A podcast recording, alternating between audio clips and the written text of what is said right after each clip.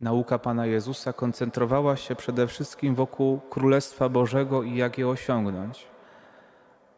Wiele różnych przykazań moralnych, które Pan Jezus mówi, tak naprawdę i tak zmierzają do tego, żeby człowiek, który słucha nauki Chrystusa, dowiedział się, w jaki sposób osiągnąć Królestwo Boże, czyli w jaki sposób żyć z Bogiem, w jaki sposób poznać Ojca, w jaki sposób dostać się do nieba, jak wyzwolić się z grzechów, ale to wyzwolenie z grzechów też ma na celu to, żeby ostatecznie posiąść Królestwo Boże. I w prostych słowach Pan Jezus tłumaczy, zrozumiałych dla prostych ludzi, bo tajemnice Królestwa są objawione ludziom prostym.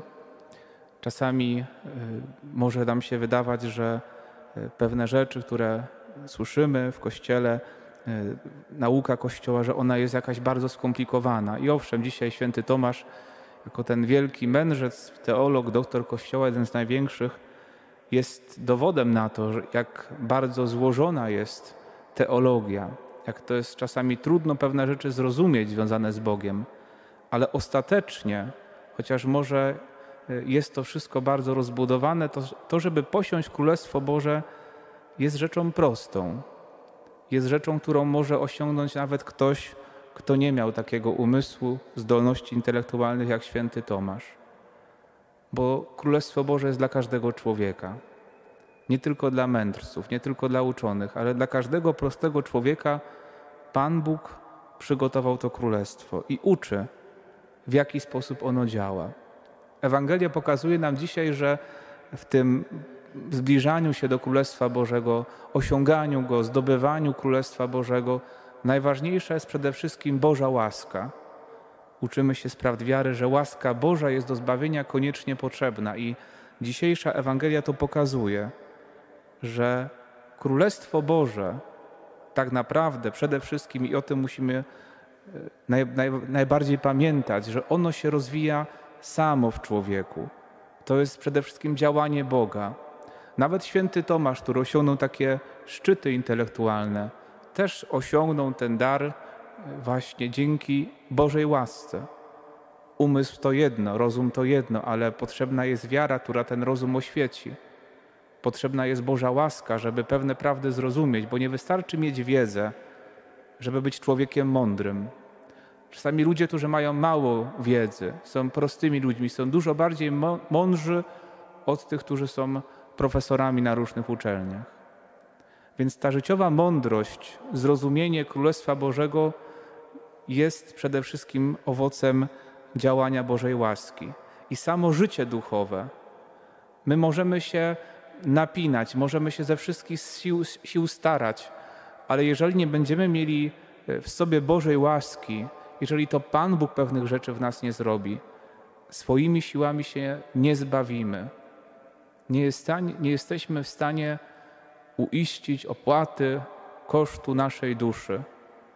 Jesteśmy zbawieni przez śmierć i zmartwychwstanie Chrystusa, przez Jego mękę i krzyż czyli przez Bożą łaskę, uwierzyliśmy w Chrystusa, przyjęliśmy chrzest i staramy się żyć tym chrztem świętym.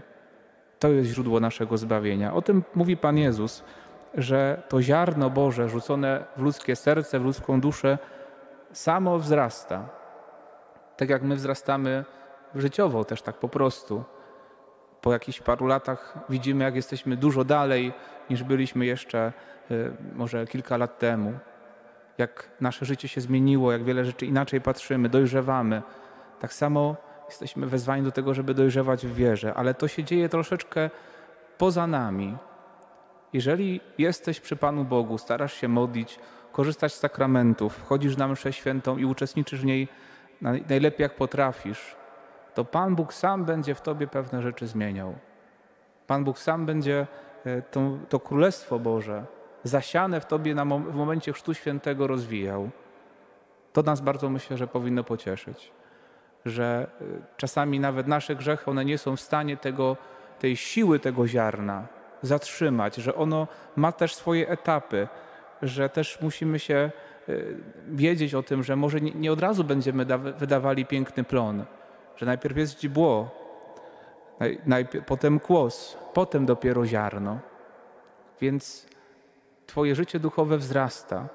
Wzrasta wraz z latami, z kolejnym e, rokiem liturgicznym, który po raz kolejny zanurza nas w te same tajemnice Chrystusa i my wzrastamy.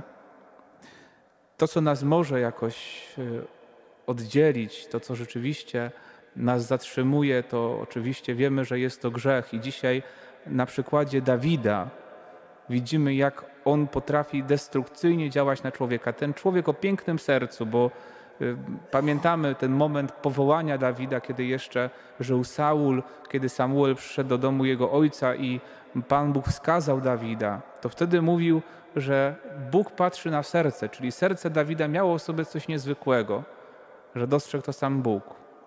A jednak to serce, mimo tego, że było piękne i dobre, w pewnym momencie się e, w jakiś sposób odwróciło od Pana Boga, usnęło. Dlatego, że Dawid, kiedy wszyscy królowie w tamtym czasie wyruszali na wojnę, on wtedy został w domu i zaczęło się od grzechu lenistwa, bo mu się nie chciało ruszyć. To jest taki moment, kiedy my w naszym życiu duchowym zaprzestajemy pewnych rzeczy, jakoś się usprawiedliwiamy, nie jesteśmy aktywni i nasze życie usycha. I zobaczcie, potem zaczęła się od lenistwa, zaczęła się i nieczystość, i pożądanie, i pozostałe grzechy główne, i pycha, i jakaś zawiść. Pociągnęło jeden za drugim jak, jak po sznurku. Musimy na to uważać, musimy być czujni. Dlatego z jednej strony Pan Bóg działa w nas i to jest, e, to jest rzeczywiście najważniejsza prawda, że Królestwo Boże wzrasta w nas samo, mocą Bożej łaski, ale my na tą łaskę też musimy odpowiadać. Święty Tomasz jest przykładem świętego, który bardzo na Bożą łaskę odpowiedział. Na modlitwie, przy pracy umysłowej zrealizował, można powiedzieć, to benedyktyńskie ora dla Bora. Zrealizował to doskonale.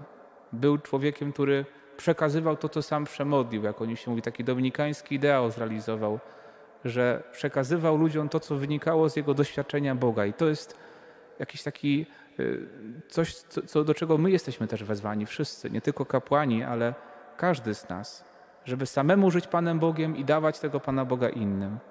A jeżeli się zdarzy, bo każdy z nas upada i te grzechy wracają, cały czas z nich walczymy, to, co może nas z tego wyzwolić, to pokuta.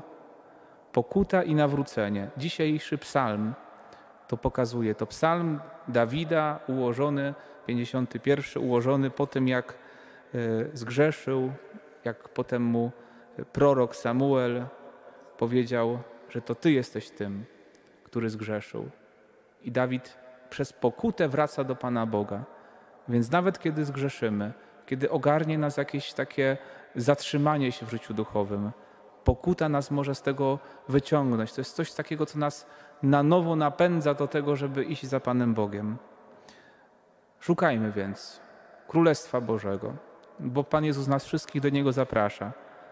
I dziękujmy Mu za to, że nie trzeba być wielkim intelektualistą, żeby to Królestwo Boże osiągnąć. Jeżeli będziesz żył z Bogiem, kochał Boga, rzeczywiście y, był blisko Niego przez modlitwę, przez sakramenty i był blisko też drugiego człowieka, to Królestwo będzie wzrastać. A gdy zdarzy się grzech, nie bójmy się sięgnąć po narzędzie pokuty, po przyznanie się do winy, to otwiera nasze serce na to, żeby tak użyźnić. Tak jak mamy to porównanie z tą glebą, to Pan Bóg nas tak przeora tą pokutą i dzięki temu ziarno może dalej wzrastać.